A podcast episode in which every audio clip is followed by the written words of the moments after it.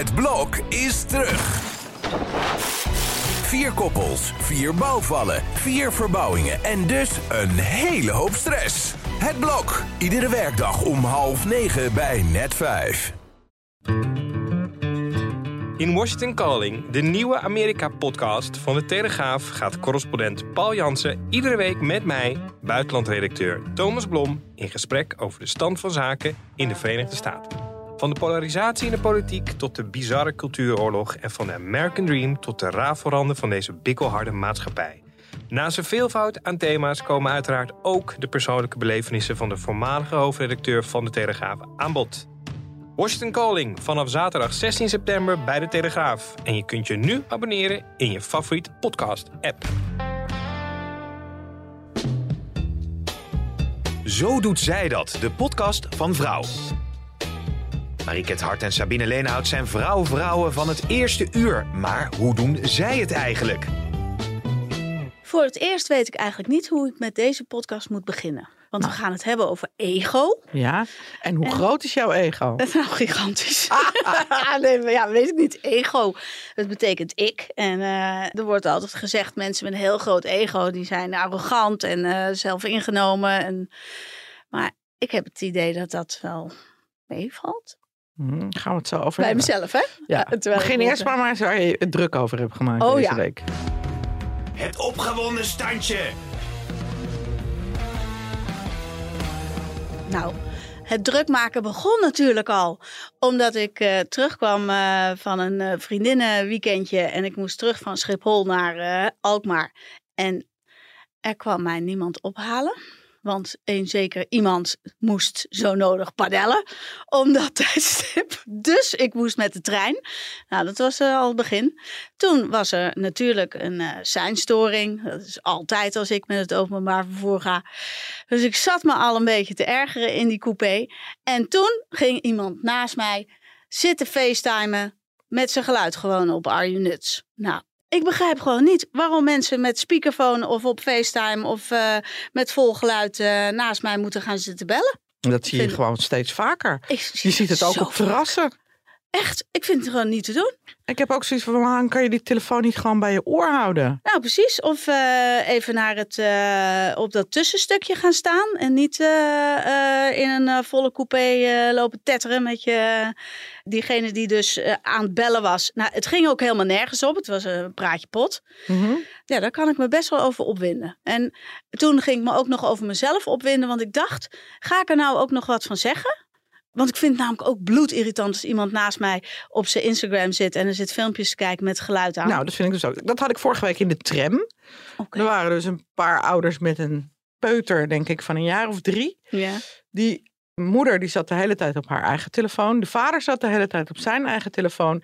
En de peuter zat een filmpje te kijken met geluid. En daarna een spelletje te doen met geluid. Dus in de tram. Bliep, bliep, bliep, bliep, bliep, bliep, bliep, bliep, Ja, ja, bliep, ja. En dat ik ook dacht, ga ik daar nou wat van zeggen? Ja, en dan denk je ook van straks gaat iemand boos worden. En krijg je ruzie midden in de tram. Daar heb ik geen zin in. Ehm, ik heb niks gezegd. Ik heb me wel geërgerd. Jij? Ja, nee, ik heb ook niks gezegd. Want het duurde gelukkig kort genoeg. Maar zoiets moet dan ook niet te lang duren, want dan ga ik er wel iets van Ja, zeggen. maar over ego gesproken. Als jij dat doet, dan hou je dus eigenlijk geen rekening met andere mensen. Nee, Die last hebben van jouw gesprek. Die last hebben van jouw gebliep. ja. Heb je het gevoel dat mensen over het algemeen egoïstischer aan het worden zijn? Mm. Ja, dat heb ik eigenlijk wel. Want ik heb het idee dat heel veel mensen vinden dat ze recht hebben op bepaalde zaken. Ja, ik heb dus wel het idee dat men wat meer bezig is met zichzelf en wat egocentrischer in het leven staat dan jaren geleden. En nou, nou pleit ik echt niet voor een samenleving zoals in de 50s. Dat het allemaal met elkaar, dat hoeft ook weer niet. Maar dat hele ikke, ikke, ikke, dat eh, ervaar ik wel als eh, irritant. Ja. Ja, nou ja, dat vind ik zelf ook. Je ziet het gewoon ook aan alle kanten. Je ziet ook dat andere mensen eronder lijden. Want je ziet dus bijvoorbeeld, dat lees je ook veel op X, voorheen Twitter, dat mensen met wisselwasjes naar de huisarts gaan. Dat mensen met wisselwasjes in het weekend naar de huisarts gaan. Ja. Dat mensen boos worden op de huisarts als ze niet meteen worden doorverwezen of als ze niet genoeg worden geholpen. En nou vind ik ook wel, daar hebben we het ook al eerder over gehad, dat huisartsen soms ook wel erg traag zijn met doorverwijzen. Mhm. Maar aan de andere kant, ja, eh, moet je je ook afvragen of je wel met elk letterlijk wisselwasjes naar de huisarts moet. Nou ja, dat mensen dan inderdaad ambulancepersoneel in elkaar slaan als hun geliefde niet snel genoeg geholpen wordt. Dat er steeds meer uitval is in het onderwijs omdat ouders enorm eh, lopen te zeuren tegen de leerkracht, variërend van het schooladvies in groep 8 tot eh, naar de rechter gaan als, eh, als een leerling met twee tiende punten is gezakt voor het gymnasium, zoals laatst ook gebeurde. Mhm. Tot inderdaad, eh, ik ken ook van dichtbij een verhaal dat een, een vader helemaal uit zijn plaat ging omdat zijn zoon niet bij zijn vriendjes in een klas werd geplaatst op de middelbare school. En dat mensen inderdaad over het algemeen, ja, veel eisend zijn. Mhm. Veel mensen zijn veel eisend. Ja. Ik ben heel erg opgevoed door mijn moeder met eh, dat je altijd rekening mee moest houden met andere mensen. Dus dat je niet te hard mocht praten. Ja, en dat je, ik eh, ook. Ja, en dat je altijd andere mensen voor moest laten gaan. Ik had het gisteravond nog in de sportschool. Ik loop de deur uit ja, van de kleedkamer en iemand anders loopt naar binnen. Ik heb altijd geleerd, hè, mensen die ergens uitstappen, die krijgen voorrang boven instappen. Maar nee, die stapte gewoon. Dus ik moest uiteindelijk met die deur en al weer naar achteren. Om ervoor te zorgen dat ik die deur niet in mijn gezicht kreeg. Omdat dat meisje naar binnen stapte. Oh, het was ook wel een meisje. Ja, Ja. dat soort kleine dingetjes. Dat je wel denkt van ja, een samenleving is misschien wel fijner als je gewoon Iets meer rekening, met houdt met elkaar. houdt. Ja, als ik terugdenk aan mijn eigen opvoeding, dan is dat ook wel dat, dat niet. En ik vond dat bloedirritant trouwens, dat mijn moeder mij altijd tot minder volume maande in restaurants. Zeg je, nou Sabine, niet de hele zaak hoeft te, te merken dat jij het leuk hebt. nou ja, dat eh, ehm, vond ik echt heel erg irritant. Die opvoeding heeft me wel geleerd om wat meer rekening te Ja. houden met anderen. Mij ook. Ja. En aan de andere kant zie je ook dat het ook steeds minder mag. Ik, ik ben toevallig vorige week voor een verhaal, echt heel leuk, ben ik bij een vrouwelijk sigarengenootschap geweest. Sigarengenootschap. Salome. Ja. Nou, zij komen dan één keer per maand op het terras van Hotel Erop om daar met elkaar sigaren te roken. En gezellig te borrelen en te kletsen en te netwerken. Dus ik was daarbij. En zij zeiden tegen mij, ja, wij maken ons zorgen. Want vroeger rookten we gewoon binnen en nu roken we dus buiten op het terras. Maar over een paar jaar mag je ook niet meer op het terras roken. En dan mag je dus niet meer bij elkaar samenkomen. Want andere mensen hebben daar last van. Mhm. Gaat dat dan niet te ver? Want ik vind ook wel, ja, als mensen willen roken... vind ik ook wel dat, dat er ergens wel een plek zou mogen zijn waar ze roken. Ja, maar vind je niet, die rook inhaleren is echt slecht voor je. Ja. Bewezen slecht voor Ja. je. We zetten ook overal roetfilters op. En, eh, Ja, is ook zo. eh, Maar heb je daar op een terras last van? ik heb Als last mensen van... naast jou zitten te roken? Ja, en zeker sigaren. Ja. ja. Dan ruiken mijn haren en mijn kleren, die ruiken gewoon naar sigaar. Ja, ik vind, dat, ik vind dat niet zo erg. Want dat het helemaal erg is als mensen naast je zitten te eten in een restaurant. Ja, En dat je dan dus al een sigaret opsteekt. ja. En dan ging je echt niet vragen, heeft u daar last van? Nee? Nee, dacht ik echt niet bij na. Nee, ik dacht ook niet bij na. Dus wat dat betreft, ja, dat is, heeft dan ook wel weer te maken met ego. Want jij wil roken en dat andere mensen daar misschien last van hebben. Daar denk je niet over na. Waarschijnlijk die ouders die met het bliepspelletje of dat diegene die, Die aan hebben er zelf ook is, geen last van. Die hebben daar zelf ook geen last van en die denken daar ook niet over na. Nee, nee maar dat zal wat, ik, wat me ook opvalt is dat als je er dan wat van zegt, dat je dan meteen een ontzettende grote muil krijgt ook nog. Oh, Weet je, ik had laatst eh, fietste een jongen, eh, ook eh, van eh ja, 16, die fietste nou, echt bijna onder mijn auto met een fatbike en geen licht en dit en dat. Echt, ik schrok me kapot. schrok, Dus ik deed mijn raam open en ik zei, jeetje man. Ik zei, ik schrok me kapot. Ja, wat had je nou? Een kankerhoeden. Weet je wel, dat ik echt dacht, wow. En ook meteen het gescheld met zo'n ziekte. Een keurige, kakineuze Amstelveense jongen, weet je wel. Nou, ik, dat is een bepaalde verharding van de maatschappij waar ik niet heel kapot van ben. nee, nee. Maar goed, we hebben een hele leuke gast. Dat is Roos Vonk. Zij is eh eh, Hoogleraar psycholoog. Ja, hoogleraar sociale psychologie. Mhm. En zij heeft een boek geschreven en dat heet Mijn ego heeft altijd gelijk. Dus ik ben heel benieuwd wat zij erover te zeggen heeft. Nou hè.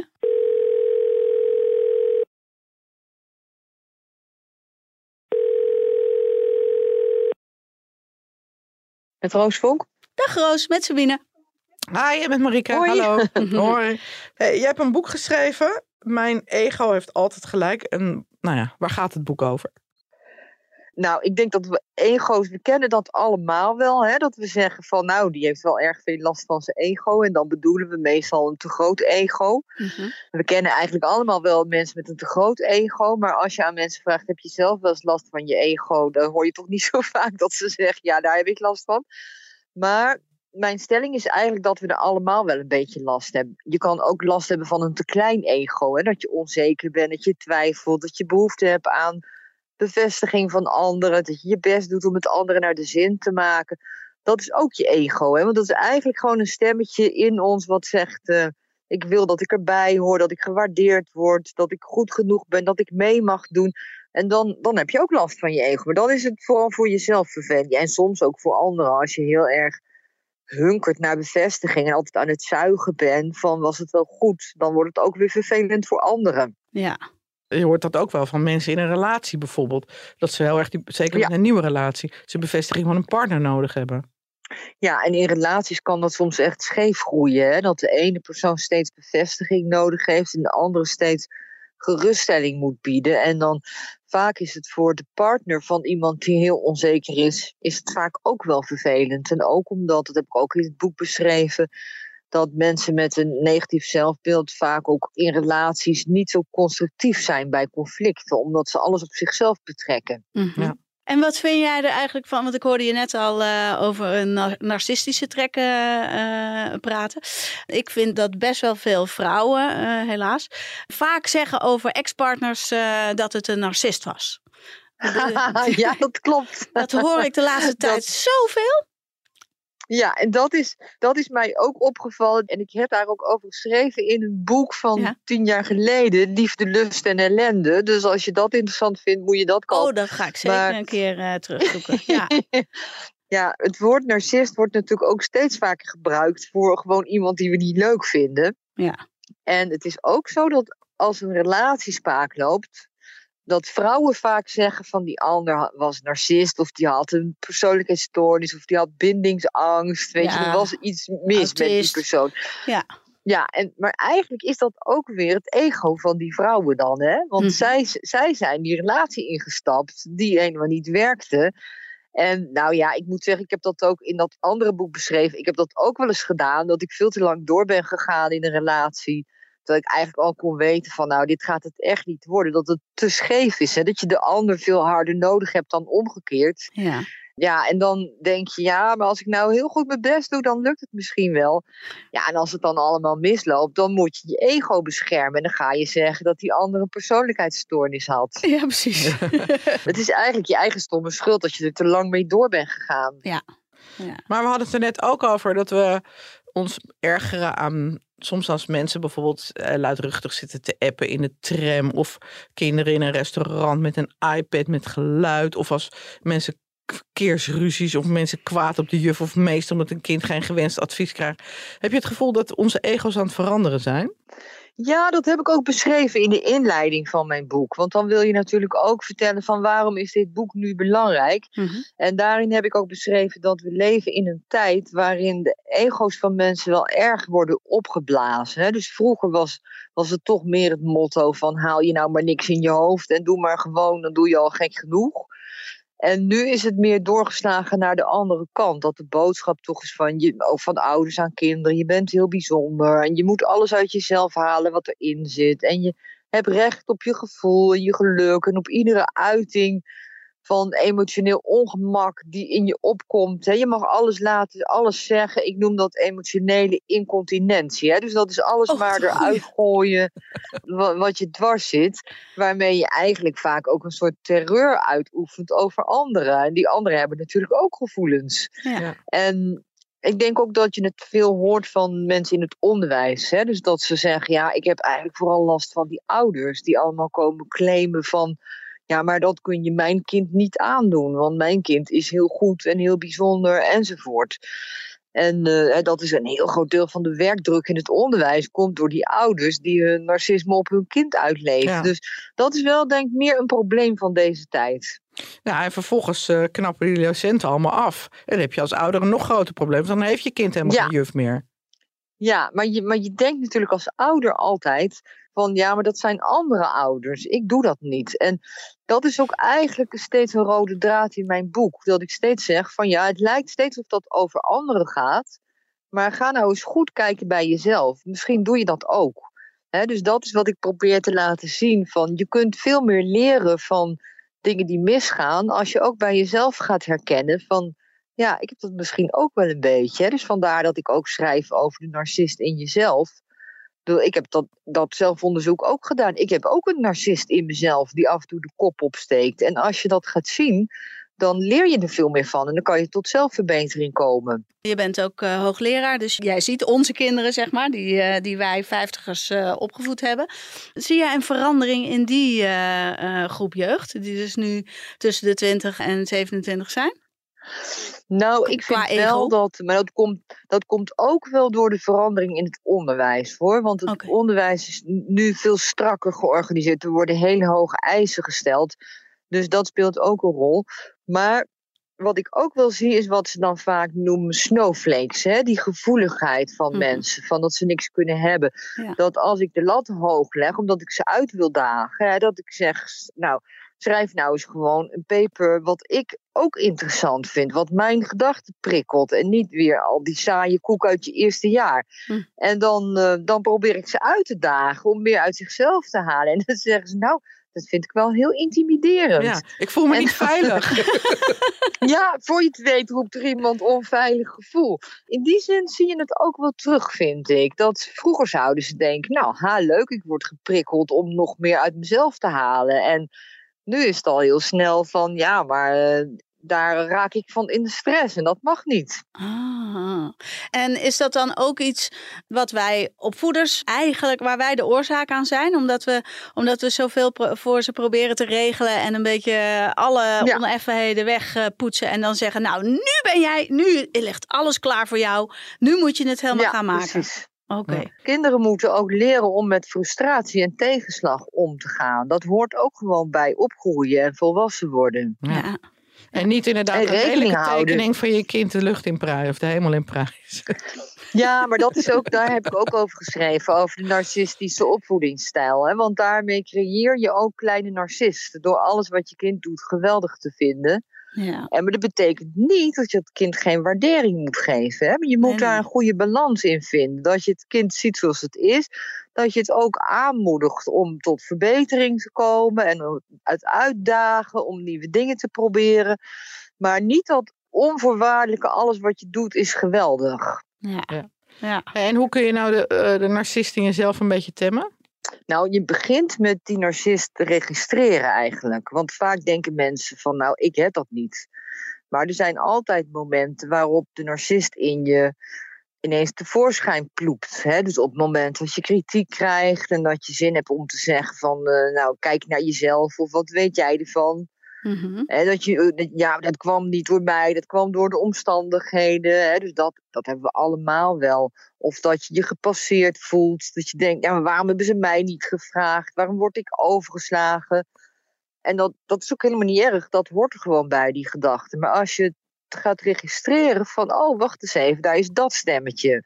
Dan heeft het ook minder macht over je. Mhm. Ja, ik denk toch dat als je als die narcist eh, alle vrijheid krijgt, dan word je niet eh, per definitie een veel leuke mens van, hè?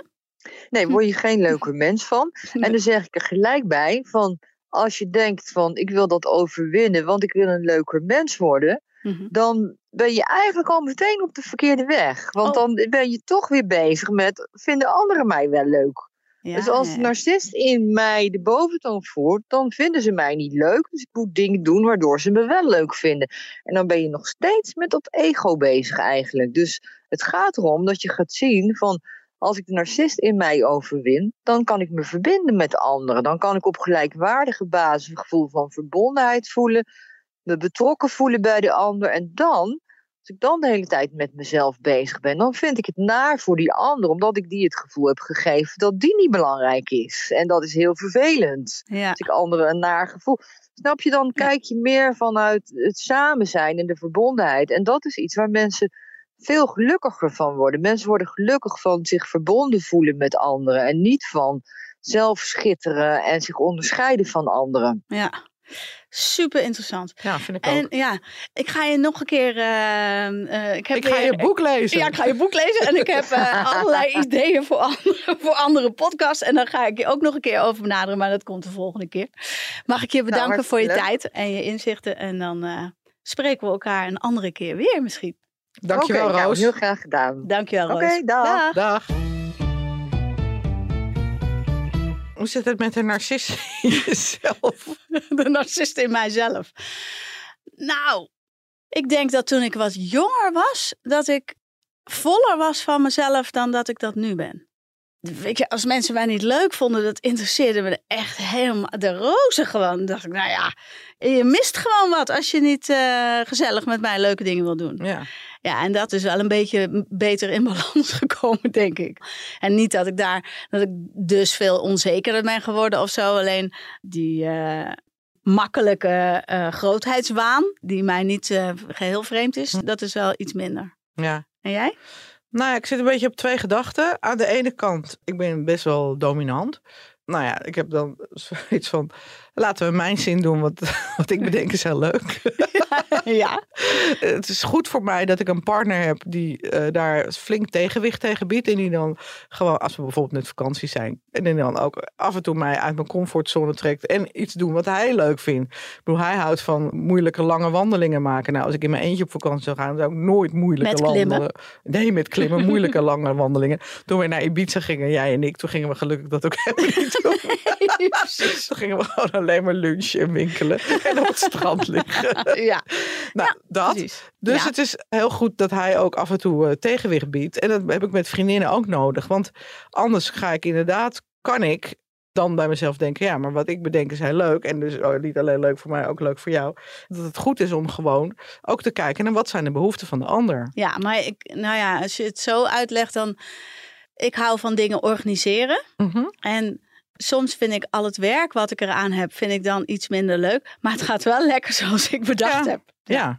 maar ja, dan Ja. moeten anderen dat ook leuk vinden. Ja. Ik bedoel, ehm, misschien zeg jij wel van ja, ik heb een heel leuk Spaans restaurantje waar we gaan eten. Maar misschien wil iemand anders wel heel veel liever Thais eten of zo. Ja. Maar dan zeg jij, nee, maar ik heb al gereserveerd in dat Spaanse restaurantje. Bla bla bla bla bla. Oh, ja. En dan denkt hij, oh ja, ik wil eigenlijk liever thuis, maar ja, dat zou ik dan maar niet. Ja. Leenhout, daar kan ik niet overheen. Ja. Hey, en, nee, eh, maar dat doe ik niet. Nee, het is meer als ik het zelf. Ik ben niet per se degene die bepaalt wat we gaan doen. Want ik ben net met vier eh, meiden op vakantie eh, waren we.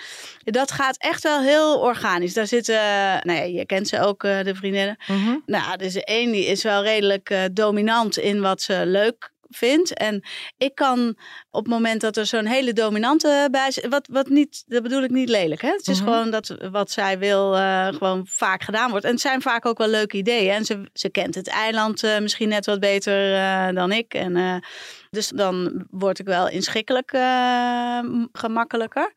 Dus daarin druk ik niet per se een stempel. Maar ik kan wel, op het moment dat we dan ergens zijn en ik vind er eigenlijk geen reet aan, dan, dan kan ik heel makkelijk mijn eigen plan gaan trekken. En zeg ik, nou, jullie blijven hier nog even, even hangen. Ik maak even een rondje. Ik ga even iets anders doen. Ja, maar dat kan je doen als je met een groepje bent. Maar met z'n Ja. tweeën is dat al lastiger. Ja, ja met z'n tweeën gebeurt dat ook. Ja, nou ja, als jij en ik samen op pad zouden gaan, buiten de telegraafmuren, mag jij niet zomaar bepalen wat we gaan doen. Dan is het toch wel.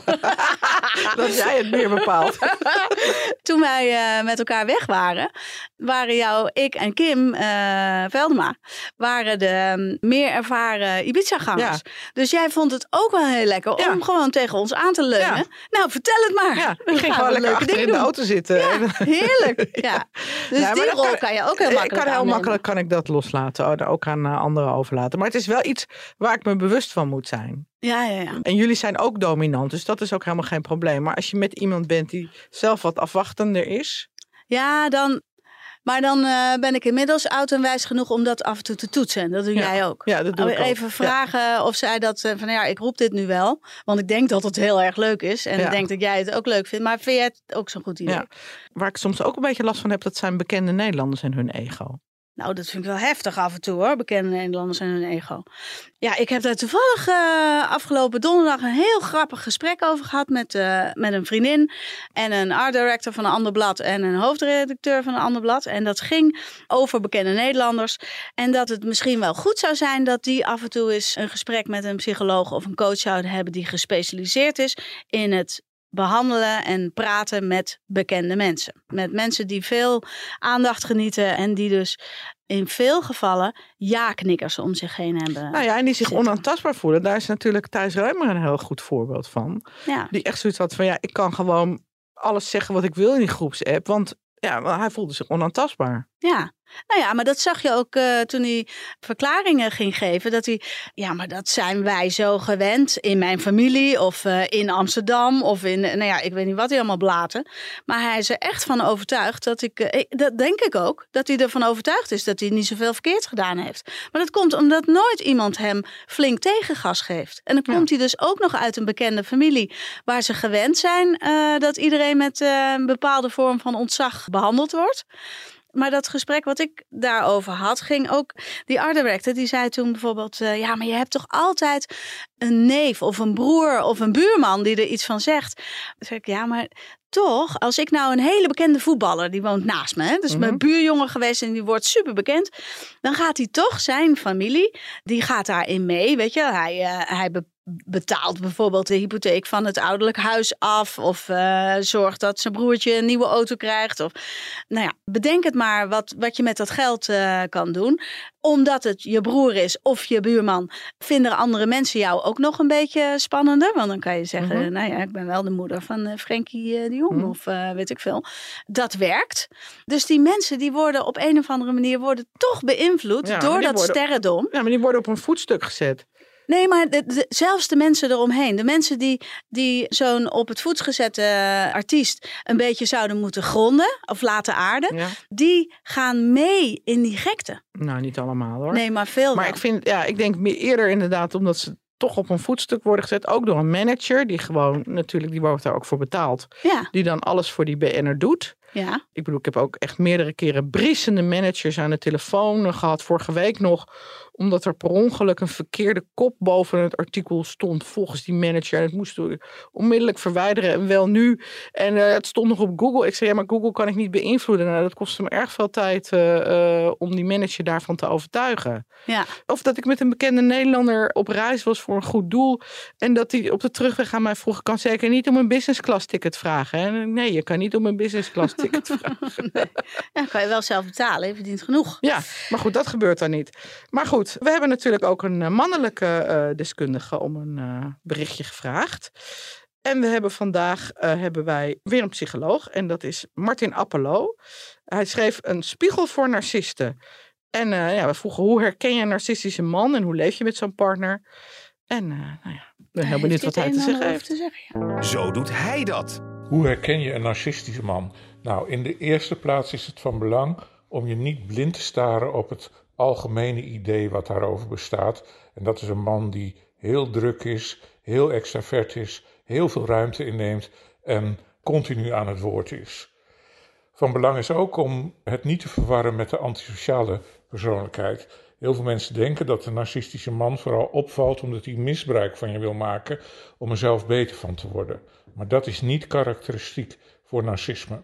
Je moet je goed realiseren dat een narcist in de kern bang is voor anderen, andere mensen wantrouwt en ook een laag zelfvertrouwen heeft. Alleen het narcisme is dat dat wordt afgeweerd. En narcisme is in feite afweer van je eigen wantrouwen. En dat doet een narcist door juist te doen alsof hij extreem zelfverzekerd is, extreem veel zelfvertrouwen heeft en extreem veel controle heeft over situaties.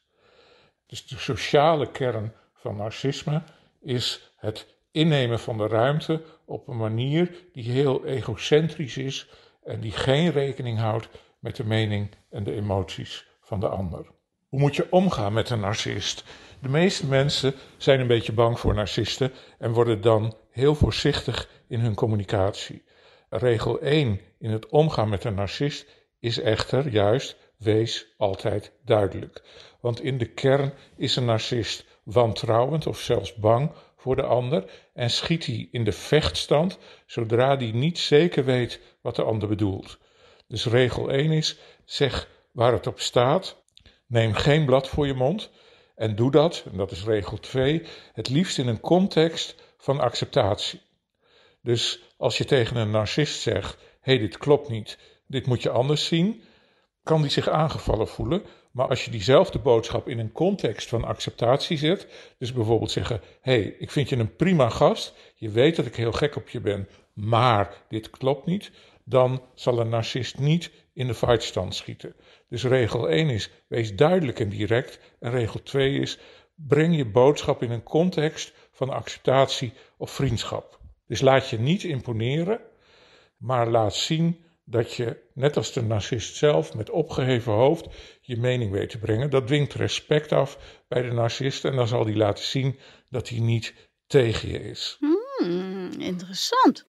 Ja, dat is heel interessant. Ik vind het echt heel eng van die mannen die eh, eh, zo bezitterig tegen een vrouw eh, doen. Ja, en er ook heel erg ophemelen Ja, aan de ene kant. Ja, en heel klein maken aan de andere kant. Ja, en dan- totaal afhankelijk. Ik heb ook ooit een vriendin gehad die, nou, die kreeg dus een vriendje. En daar werd ze heel erg verliefd op. Ja, hij claimde haar, hij isoleerde haar. Zij wilde altijd kinderen, maar hij had zoiets van: ik heb al een kind uit een eerder huwelijk, dus ik hoef geen kinderen meer.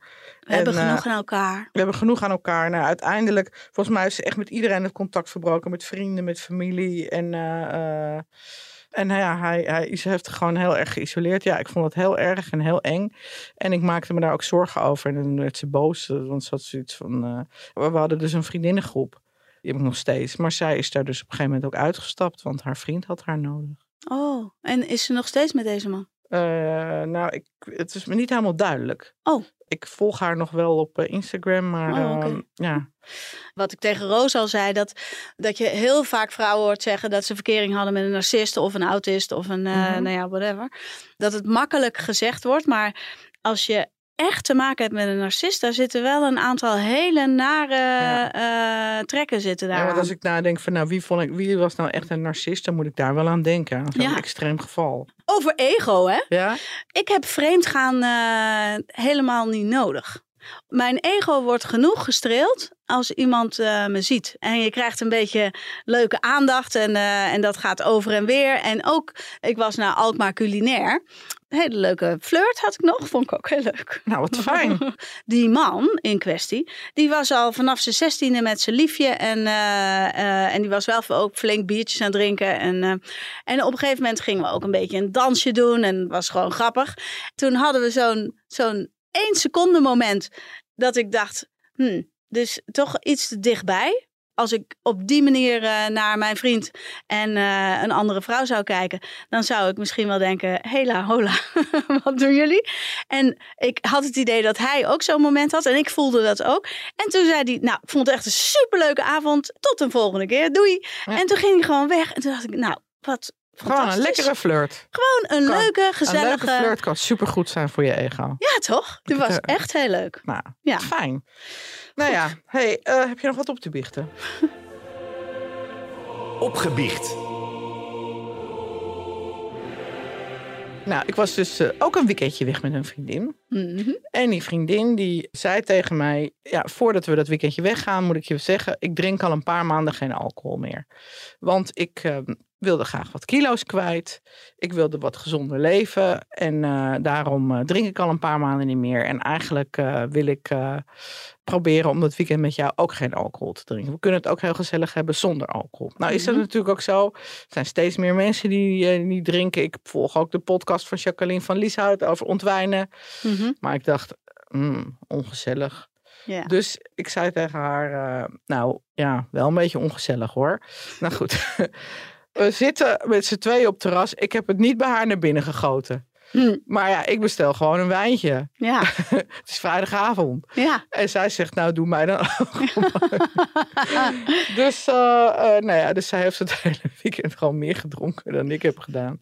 nou ja, ik voel me daar wel een beetje slecht over. Dat ik haar niet gewoon heb geholpen en gestimuleerd. En dat ik niet gewoon heb gezegd, oké, we drinken gewoon het hele weekend niet. Het was voor mij ook beter geweest. Maar dat ik het toch een beetje Voor je slinks- eigen e- ego voor ging. mijn eigen ego ging. Ja. Op slinkse wijze. Nou ja, wat ik al zei, ik heb haar niet gevonden. maar onder het mom van gezelliger, dat zij na al die maanden droog staan toch weer alcohol is gaan drinken. Ja. Ja. Ja. Slecht hè? Nou, een beetje. Maar eh, eh, ze had ook gewoon nee kunnen zeggen. Ze had absoluut nee kunnen zeggen. Ja, je hebt het Ja. niet gedwongen. Absoluut niet. Ik ben niet met een trechter heb ik het in haar keel gegoten. Nee. En ik heb ook niet voor haar besteld. Ik heb ook niet gezegd, we doen een fles wijn. Want eh, nou ja, zij had een hele andere wijnsmaak dan ik. Maar toch. Ja. Zullen we meteen de kijktip erachteraan Ja, laten we dat doen. Want ik heb een leuke. De Zo Doet Zij Dat kijktip. Nou, ik heb zo'n ontzettend leuke serie ontdekt op Prime Video. Mhm. Dat is De Club. En dan de ondertitel is eh, Waar niemand bij wil horen.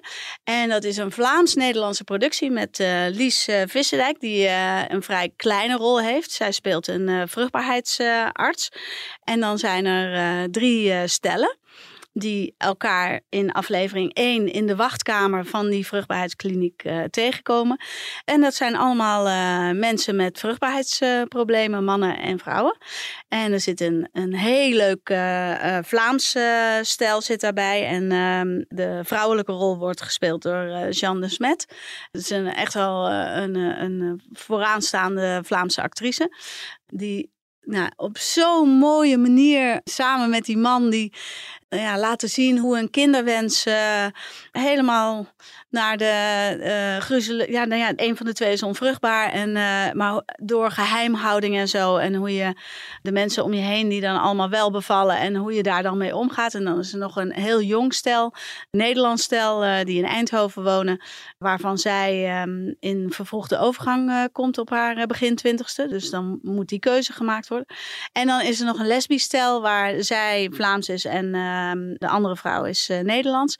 En daarvan is een van die vrouwen die worstelt met non-binaire problematiek. Nou, het is zo mooi. Goed geacteerd en je wordt er aan de ene kant vrolijk van. En eh Lies Vissdijk die speelt echt een geweldige rol als, eh, als veel te droge arts die eh, af en toe veel te bot dingen kan zeggen en eh, eh, voortdurend bezig is met de tijd die, eh, eh, die ze maar hebben voor een afspraak. Maar echt een aanrader. Oké. De Nou, club. Ik dan nog even heel kort.